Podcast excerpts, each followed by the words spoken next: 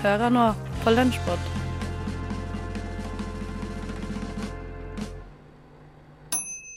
Da var det onsdag igjen, og det betyr en ny episode av Radio Nova sin lunsjpod. De neste 30 minuttene så skal Theis Magelsen her servere deg de aller beste godbitene som ble sendt her på kanalen forrige uke. Og du har kanskje fått med deg denne tamme russiske hvithvalen kjent som Valdimir, er det den nå har blitt døpt i hvert fall. Eh, Og russerne de behandler jo kanskje ikke hvalene helt slik man bør. Men radiotjenesten og Christian Kilde de skal komme med en tips her om hvordan man bør behandle hvaler. Men først gir jeg ordet til Ida og Sivert. Russiske Greenpeace melder alarm etter at de fant ut at russiske myndigheter holder nesten 100 hvaler fengslet i innhegninger som blir kalt for whale jail. Ja, de får massiv kritikk for å ha fanget hvalene, og vi i radiotjenesten er enige med kritikerne. Russerne handler galt, så vi har laget en liste for hvordan du skal fange hval på en god måte. Over til tjenestemann Kilde. Tilbakestående reporter Kilde. Utestående, utadgående reporter Kilde. Har vi deg på tråden? Jeg prøver å gjøre dypdykk her. Vi trenger deg på overflaten.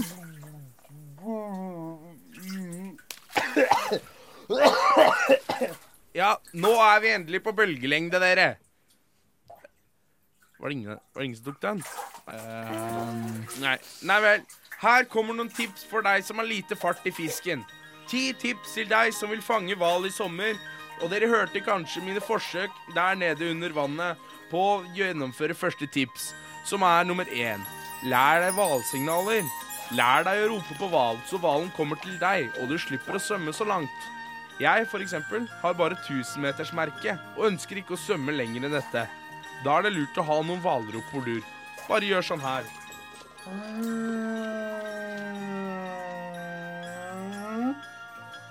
Akkurat som Dory i Finne Nemo. Tips nummer to. Se opp for hvalkjeltringer som kan ønske å nappe din hval rett før du tar den selv. Ikke la deg nappe, altså. Over til tips tre. Lær deg flagg. De fleste hval har ingen flagg, men det har hvalkjeltringer. Og de har som oftest russisk eller japansk flagg på sin båt. Det russiske kjennetegnes av stripene. Det japanske kjennetegnes av andre striper. Fire. Lær deg å kjøre båt. Båt kan være et nyttig fartøy i jakten på hval. For å finne hval kan man måtte bevege seg fort, og da er båt perfekt. Fem. Ta med håv. Du må få fraktet hvalen opp i båten din, selvfølgelig. Ta den med hjem. Tips seks. Ta den med hjem. Og da mener jeg helt hjem. Det fins ingenting verre enn når folk har vært på hvalfangst, og så lar de bare masse hvalrester ligge. Så det blir ekkelt for alle andre. Ikke gi deg på hvalveien. Jeg mener halvveien. Tips syv. Ikke la deg lure. Du må aldri la deg lure. Tips åtte. Spekkhogger er ikke hval. Mange dyr virker som hval, kun hval er hval. Kristian Valen? Navnet ligner, men som du sikkert skjønner, er det ikke hval. Ikke hval. Nummer ti. Ni. Nummer ni. Ta med deg godt fottøy. Det kan fort bli vått. Har du Gore-Tex, er det supert. Unngå sandaler. Kan bli sølete. Tips 10. Det er alltid for sent å snu. Ikke snu, kjør heller rett frem veldig lenge, for jorden er hund, og du vil til slutt ende opp der du var. Det var alle sesongens hvaltips til deg som har lyst til å fange hval nå i de varmere månedene. Det er ikke lov til å jakte hval bortsett fra internasjonalt farvann, så pass på at du er i det og ikke her hjemme. Men vent litt. Hva er det som flyter der borte i vannet? I oransje flytedress? Neimen, hun har blondt hår og kors rundt halsen. Det er vel ingen ringere enn Hjelp meg! Det er jeg som er den gode tvillingen. Sånn til studio. Takk for det, tjenestemann Kilde. Og skitt fiske! Nå skal vi opp på bakkenivå igjen. Eller rettere sagt, vi skal gå hardt på trynet ned i gjørma. Vi skal over til sporten. Og hvis du vil høre Sporten og resten av radiotjenesten sin sending fra forrige uke, så er det bare å søke dem opp på iTunes eller i Spotify. Radio Nova er best. Alle, andre er tapere.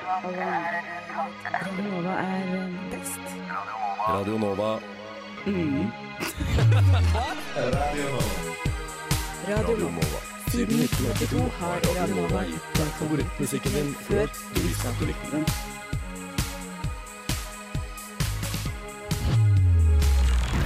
Andreas Steen Hernes fra Sorgenfri prøvde seg på en aldri så liten livsendring forrige uke.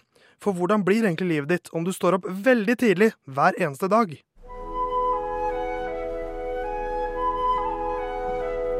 Det er 5 AM Club, et konsept der du hver dag står opp klokka fem om morgenen. Dette er for å optimalisere deg sjøl og for å bruke den eh, the golden hour på morgenen til å trene, til å prepare, forberede din kropp og din karakter, og for å lære. Vel, er det egentlig så lett? Nå har jeg testa dette i to dager. Riktignok altfor lite til å lage en vane. Men uh, la oss sjekke.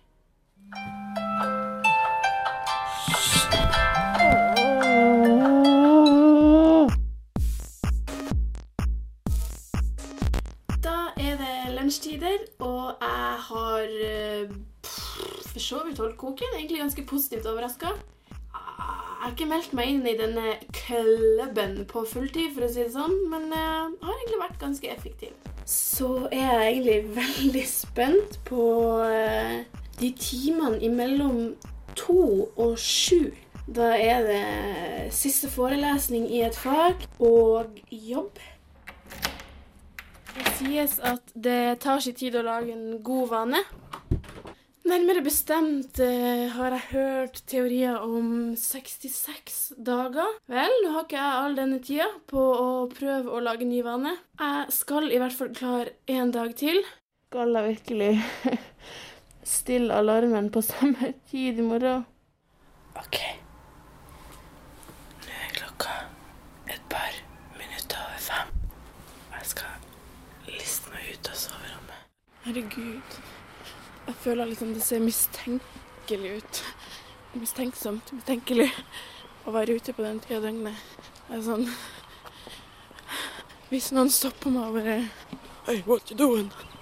Så bare uh, I don't even know anymore. I går klarte jeg faktisk å være relativt effektiv. Not so much the same story i dag, altså. Jeg driver og surrer rundt, vandrer rundt og rett og slett bare vaser. Går rundt i en eller annen slags tåke. Det er fredag nå, altså dag to. Klokka er vel ni på kvelden, og jeg tenkte at jeg syns synd i meg sjøl pga. det drittet her. Så jeg tok ett glass rødvin, og så Hva skjedde da? Du slukna på sofaen for en halvtime. Jeg halvsov.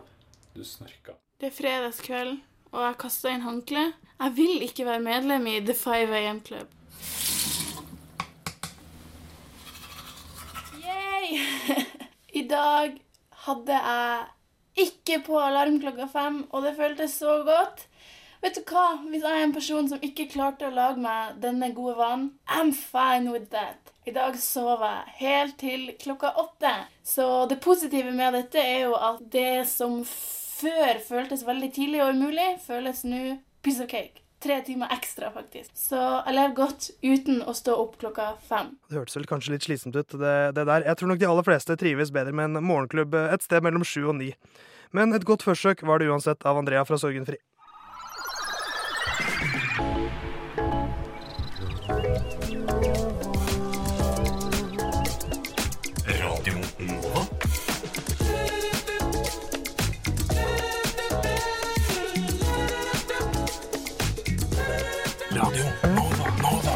24 timer i døgnet, syv dager i uka. DAB, nettspiller og mobil. Frokostgjengen her på kanalen er kanskje litt mer vant til å stå opp tidlig av og til. Eh, Maja Irene Ottarsrud er en av dem. Og om du er en av de som sitter og, og føler litt på av og til at du ikke har så mye spennende å bidra med i en eh, samtale, så vil i hvert fall Maja være veldig uenig med deg der. Det hender at jeg snakker med folk, og så er de litt sånn Jeg spør liksom ja, hva skjer da? Hva, hvem er du, og hva skjer i livet ditt? Og så sier de at livet deres er litt kjedelig. Og det syns jeg er så trist. Fordi at vi har alle en historie å fortelle. Det hender jeg sitter på bussen, stirrer ut av vinduet, blir litt rørt av mitt eget liv. Og det er ikke narsissistisk. Det er fint. Det er flott. Det er flott. Og jeg har jo en mor Ja. Sånn som så mange har, eh, som egentlig har levd et ganske ikke mirakuløst, men mirakelløst liv. Unnskyld. Vil noen si. Eh, født og oppvokst i Drøbak. Eh, fikk seg barn før hun var ferdig med utdanning. Hadde ikke penger, hadde ikke jobb. Endte opp med en mann fra hjembygda, bor i hjembygda, har en jobb som ikke er så relevant for studiet. Litt sånn vanlig liv. Men den gang jeg Mamma har fortalt meg sin historie, og den er faktisk ikke mirakelløs, men mirakuløs. Mirakuløs. Yes, få høre den. Mamma lærte meg tidlig at alle har sin helt egne, helt spesielle historie å fortelle. Alt hun fortalte meg som liten, virket for meg som umulige hendelser. Utviska i kantene, slik nostalgien er. Ord som danset tango på grensen av det som var mulig, og det som var eventyr. Men det var mulig, for det var tross alt mamma som var kilden til alt dette fantastiske. Verdens sikreste kilde. Mamma fortalte meg om hvordan hun reiste ut i verden og møtte fremmede som ble venner for livet. Om hvordan hun kommuniserte med disse vennene på tvers av et helt kontinent etter at de hadde skilt lag og dratt hver sin vei. Kun ved å sende brev postet fra hånd til hånd, videreført gjennom mennesker de ikke kjente, i land de ikke kjente. Det var som å sende lapper i klasserommet, sa hun. Bare at klasserommet var hele Latin-Amerika. Og brevene kom frem på tross av at sendingsinstruksene var ganske upresise. Gi dette videre til en blond dame som er norsk og heter Heidi, hvis du skulle komme til å møte henne på din vei. Det fantes jo ikke mobiler på den tiden. Mamma fortalte om en eksotisk mann i et eksotisk land, med en familie som var så sjenerøse at de var som levende svamper. Klemte du på dem, selv med den letteste berøring, rant det kjærlighet ut av porene deres. Hos dem var det åpent hus for Gud og hvermann. Det var store ord om store fester som varte en hel uke fordi folk feiret sola. Mamma fortalte om den gangen hun satt på en hvit strand i Jamaica helt alene med bena i vannkanten. Hvordan hun følte at hun var det eneste som eksisterte, bortsett fra en liten sort prikk ytterst i horisonten. Den prikken ble etter hvert bare større og større, helt til den tok ny form og ble til Nora. Mammas beste venninne og reisekamerat inne. Nora hadde hun sist sett for noen måneder siden, da de klatret inkatempler i Peru og sov i telt på toppen av Machu Machu Picchu sammen med alle skorpionene. Ingen ble bitt. Så, etter et år eller to, kom mamma hjem fra verden. En natt hadde hun en drøm om en liten indianerjente som satt midt i en ring av dansende mennesker. Og inne i smilet til den jenta så hun seg selv. Det viste seg at mamma var sanndrømt, for litt senere fant hun ut at hun var gravid.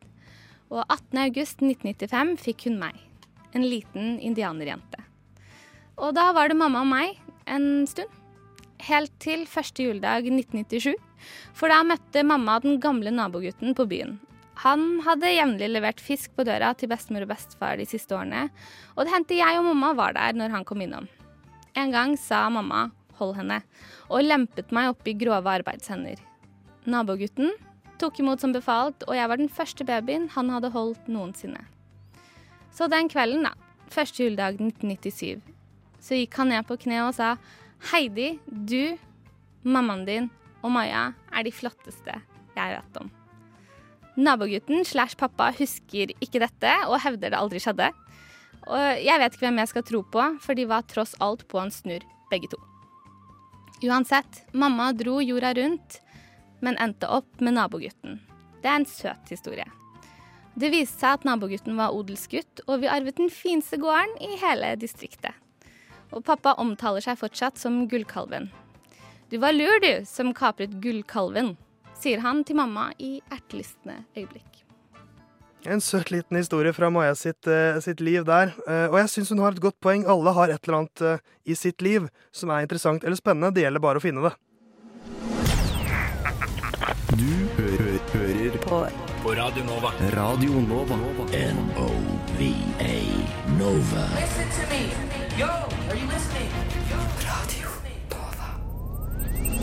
Virkelighetslitteratur det blir stadig mer og mer populært. Det jeg synes det er overalt nå for tiden. Min kamp av Karl Ove Knausgård er jo et godt eksempel på en, en bestselgende forfatter som driver med, med slikt. Og dette er et tema som har blitt debattert hyppig de siste årene, og nå også av tekstbehandlingsprogrammet. De som på en måte blir støtt av tekster og sånn, hva tenker du om eh, i denne virkelighetslitteraturdebatten, da? Det er jo en stor følsomhet hos en leser som klarer å bli støtt av en tekst. Jeg klarer også å bli støtt av en tekst, og det syns jeg er helt på sin plass. Jeg syns det er annerledes. Og jeg sier ikke at ikke det finnes pårørende, jeg sier ikke at det ikke finnes grenser. Det mener jeg absolutt. Jeg syns bare ikke å sitte og snakke om de grensene og de pårørende. Det syns jeg blir en slags selvmildleden greie for noen som ingen andre bryr seg om. Som skal ta mye plass i offentligheten og ødelegge for andre debatter. Mm. Men i uh, uh, diktsamlingen så heter jo jeg uh, Morten med O. Mm. Så det er jo Det kommer tilbake. Det er jo lett Mm. å uh, på en måte koble da deg og, og jeg i, i verket, da, på en måte. Selv om det kanskje ikke er legitimt alltid å gjøre det. Jo, men kan jeg, kan jeg prøve å svare på det? Ja. Ok, I den delen hvor det står Morten med henne, Mm. så skriver han Baneheia. Det er nasjonale tragedier jeg skriver om. Jeg skriver om 22. juli, en jente som vokste opp i nærheten av meg og overlevde 22. juli, som er den første Anders Behring Breivik møtte på Utøya. Jeg skriver om Baneheia-drapene. Jeg skriver om flere selvmord. Ja, hva faen skriver jeg? Skriver om folk som vil forby videospill og eh, voldelig video fordi de mener det kan være smittsomt. Og alle disse tingene, alle disse ingrediensene, de gode råvarene her, de er ikke der fordi de er interessante i seg selv nødvendigvis. Det er for å vise at innenfor dette lille triangelet på 200 meter så fins alle nasjonale tragedier. Og at vi har et problem med vold, vi har et problem med påvirkning osv. Det er den diskusjonen jeg vil inn i, ikke liksom 'Å nei, du brukte navnet på den, og det er ikke navnet på den', Mm. Ja, hvor går egentlig grensen mellom skaper og verk? Den kan jo av og til bli visket litt ut, eh, føler jeg. Det var i hvert fall Anna og Torolf der fra Tekstbehandlingsprogrammet i samtale med forfatter Morten Langeland.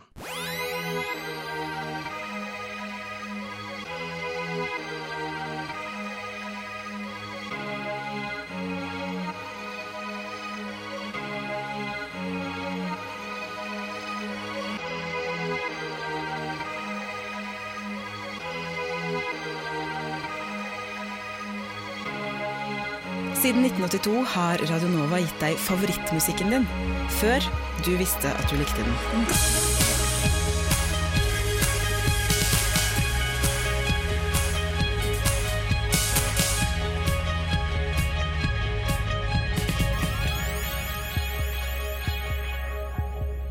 Så en liten Segway over til noe helt annet. Hvordan blir egentlig barn til? Det er vel noe de aller fleste lærer i løpet av livet, men hvordan skal man lære opp barn om dette temaet? Tony, Ludvig og Martin fra Rushtid de valgte en ja, kan vi si, alternativ måte å gjøre dette på. Vi skal ha en eh, spalte som vi aldri har uh, forsøkt før. eh, Og i hvert fall ikke oss tre, for vi har aldri hatt sending før. Nei, dette er helt Sammen, da. sykt. Jeg ble bare kasta inn i en ny spalte. Yes. Uh, og den spalten er eh, veldig enkel. Vi skal prøve å forklare hvordan barn blir til. Eh, vi- men vi må ha med tre ord som den andre velger, da. Mm. Uh, jeg kan godt begynne, siden det var ditt ønske, Ludvig. Ja, vil du ha ordene? Jeg må gjerne ha de, Ja, jeg satt øh, Jeg vet ikke, de kom, jeg vet ikke hvorfor de kom til meg, men jeg gleder meg til å se hvordan du har lyst til å bruke dem. Ja. Men det er altså sjiraff, Ja. miksmaster og solskinnsbolle. Ja. OK. Dette her uh, Sjiraff uh, Jeg må skrive ned, tror jeg. Skriv faktisk. Eh, Sjiraff. Altså eh, solskinnsbolle. Solskinnsbolle. Og miksmaster. Og miksmaster. Jo. Det her eh, Hvor gammel er barnet? Er fem? Eh, Fire? Kan vi si at barnet er, skjønner, skjønner litt Har en viss peiling på kroppen. da Ok, Sier sju, rundt mellom åtte, ni, ti. Ja, ok, greit. Sånn seksualundervisning har så vidt begynt. Jo. Som kroppen i naturfag. Nå skal du høre her eh, Du vet sjiraffer, kjære barn. Ja. De har lang hals. Og da kan de ofte kikke opp i ting. Det er veldig bra da. Og da Pappa har en sjiraff mellom beina som han kikker opp i mamma sin mixmaster. Um, og da, eh, for å lage eh, fyll, da, så spyr denne sjiraffen oppi mixmasteren. Med alt, alle, for den har masse rumpetroll i magen. Eh, som den spyr oppi eh, miksmasteren til mamma. Du, ja. Og da er det rett og slett bare å vente til eh, deigen hever seg i ni måneder inni magen til mamma. Og da ser det litt ut som en solskinnsbolle. Altså den har er hvit, greie rundt, og så er det en bolle. Eh, men det hvite greiene, det kommer fra pappasjiraffen sitt spy. Eh, så det Og så, sånn ble du til. Ja, det likte jeg. Um, uh, som en uh, Kommentar. Jeg, ja, jeg studerer jo spesialpedagogikk. Du gjør det? Ja, uh, jeg tror at du kunne gjort mye skade med den historien der. Men jeg har hørt, jeg har hørt andre historier òg, sånn eh, at foreldrene sier at uh, Var det Julie sa i stad? At det hadde- blitt til ved å, ved å klemme hverandre veldig hardt. Mm. Så da- Men det er ikke det Trond-Viggo sin historie? Liksom at, Jo, jo ja. men, men eh, da eh, oppfølgingen til denne historien var at uh, barn var ei, ei jente som hadde prøv, blitt forsøkt å få en klem, og så hun sa hun hun ville ikke bli gravid. Vi er, vi er heldige som har fått med Martin som litt improvisert dommer ja, når han, når han er lærd, på en måte. Ja, eller i vei med å bli det. Eller, eller å sette seg ned og ønske seg veldig hardt. Tenk deg barn som setter seg ned og ønsker seg veldig hardt sammen fordi de har lyst på et barn. Et sånn babyborn. Ja, uh, men jeg må bare si, Ludvig, det der Stork. Solskinnsbolle. Det tror jeg liksom var det verste du kunne valgt. Men uh, Jeg syns Tony løste det bra. Jeg. Ja, det synes jeg også. Jeg syns, jeg syns Mixmasteren brukte du best. Ja. Det var, det var Mm. funny. Takk, takk. Sjiraffen uh, som spyr rumpetroll inn i mykmasteren til mamma. Det Der tror jeg skaden kommer inn, ja. Jeg jeg Men der, der, fikk du litt, uh, der fikk du litt biologi innblandet òg, da. Ja. Vil du, vil du prøve nå? For jeg har eh, tre ord, jeg òg. Skal vi gjøre det allerede? Ja, eh, ja, vi kan jo det. Jeg må bare gjøre meg klar til å notere. Sånn. Ja. Spade. Ja. Geirfugl. Hva er det? Det er en utdødd fugl. Ok. Vi prøver. Og matpapir. Det er jo mange muligheter her, da. Det er mange muligheter. Ja. Jeg gir deg muligheten her. Eh, ja. Hvordan gjør vi dette her, da, gutten min?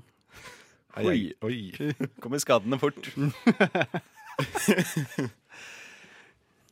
Nei, hør her, da. Eh, når eh, Så fæle ord! Eller det er ikke det at de er fæle, det er bare vet hvor jeg skal bruke dem. Spade er jo ganske lett. Ja. Du, du, bru- du bruker ikke matpapir på spaden din. Nei, men når, når, når man skal ha barn, så er det to mennesker som er veldig glad i hverandre. Og, men da må, da må pappa fram med sin spade, som er mellom eh, Som er mellom beina. Og, og da må det graves litt i mammas, eh, mammas eh, hull. Hennes miksmaster.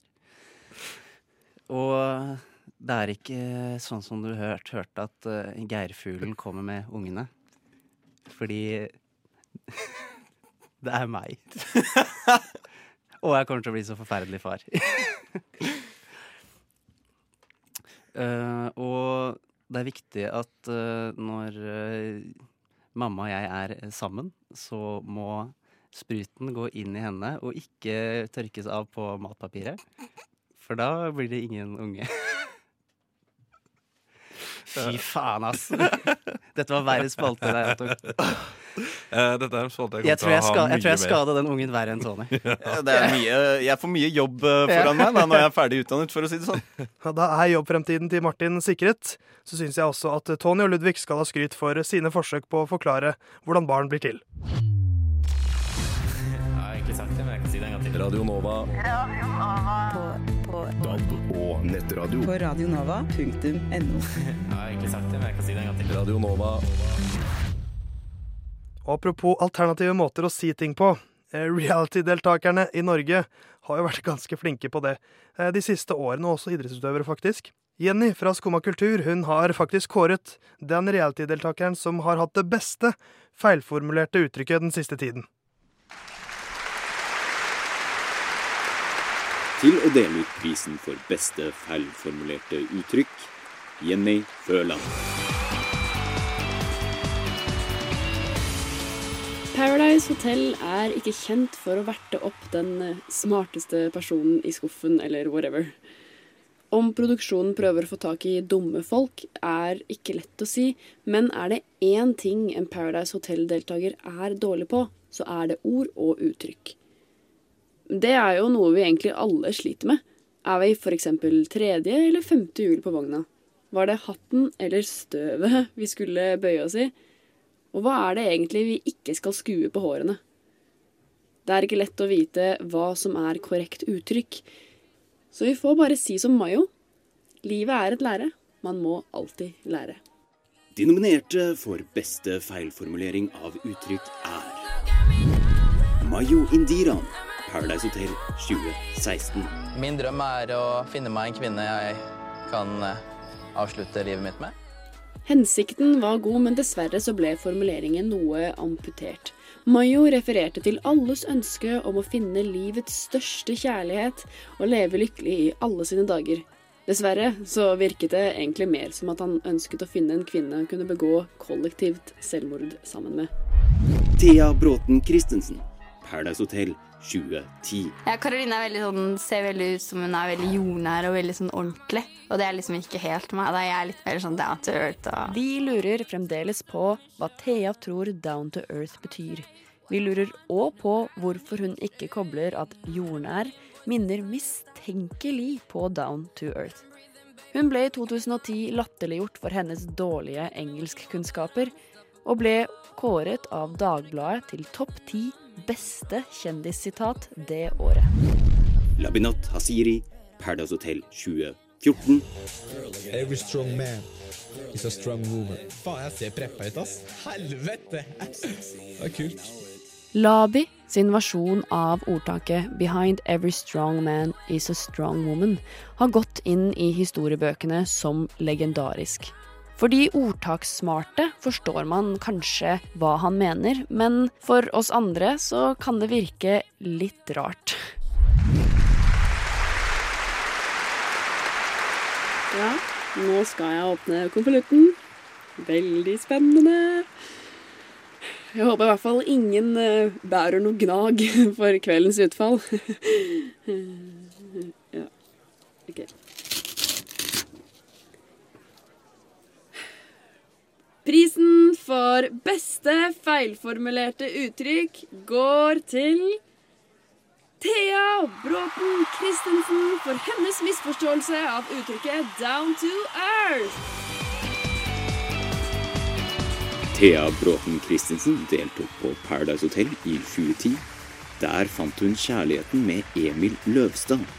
De to fant tonen til sengs på programmet etter at Emil hadde hatt en omgang med Maria Isabel Fernandes. Thea og Emil fikk et barn sammen i 2016 og bor nå sammen i en leilighet i Lillestrøm.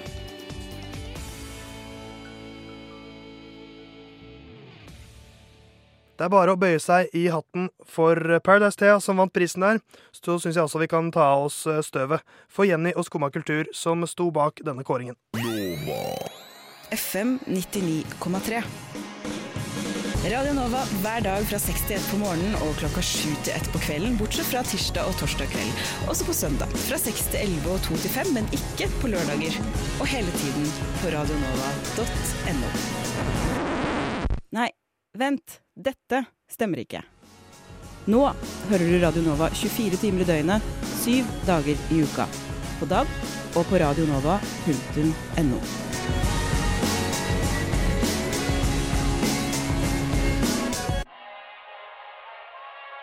Ukens lunsjpod er ved veis ende. Hvis du som hører på fant et eller annet her som eh, fanget din oppmerksomhet, gå gjerne inn på radionova.no, så kan du høre mer eh, fra ditt eh, favorittprogram der.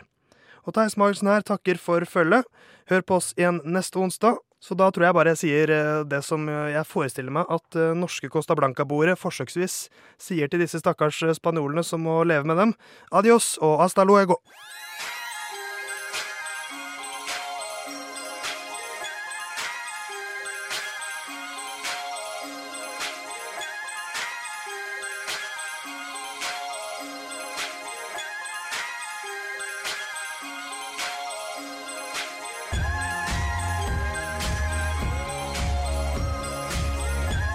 1982 har Radio Nova gitt deg favorittmusikken din.